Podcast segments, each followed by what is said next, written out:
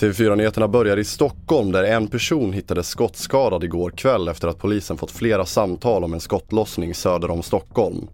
Tidigt under fredagsmorgonen kunde polisen berätta att personen, en vuxen man, är avliden och att det utreds som förundersökning till mord. Detta enligt Expressen.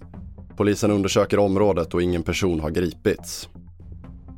Och vi fortsätter i Vaggeryd utanför Jönköping där det brinner i en avfallsanläggning och ett VMA har gått ut till allmänheten.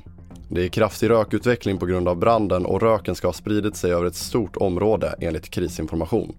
Räddningsledare uppmanar alla i området att gå inomhus och stänga dörrar, fönster och ventilation. Och vi avslutar i USA där den amerikanska kongressen för första gången på 30 år har enats om en vapenlag för att komma åt problemen med skjutningarna i landet. Förslaget innebär bland annat att personer mellan 18 till 21 år som vill köpa ett vapen måste gå igenom mer noggranna bakgrundskontroller. 15 republikanska senatorer röstade med Demokraterna vilket gav grönt ljus för vapenlagen i senaten.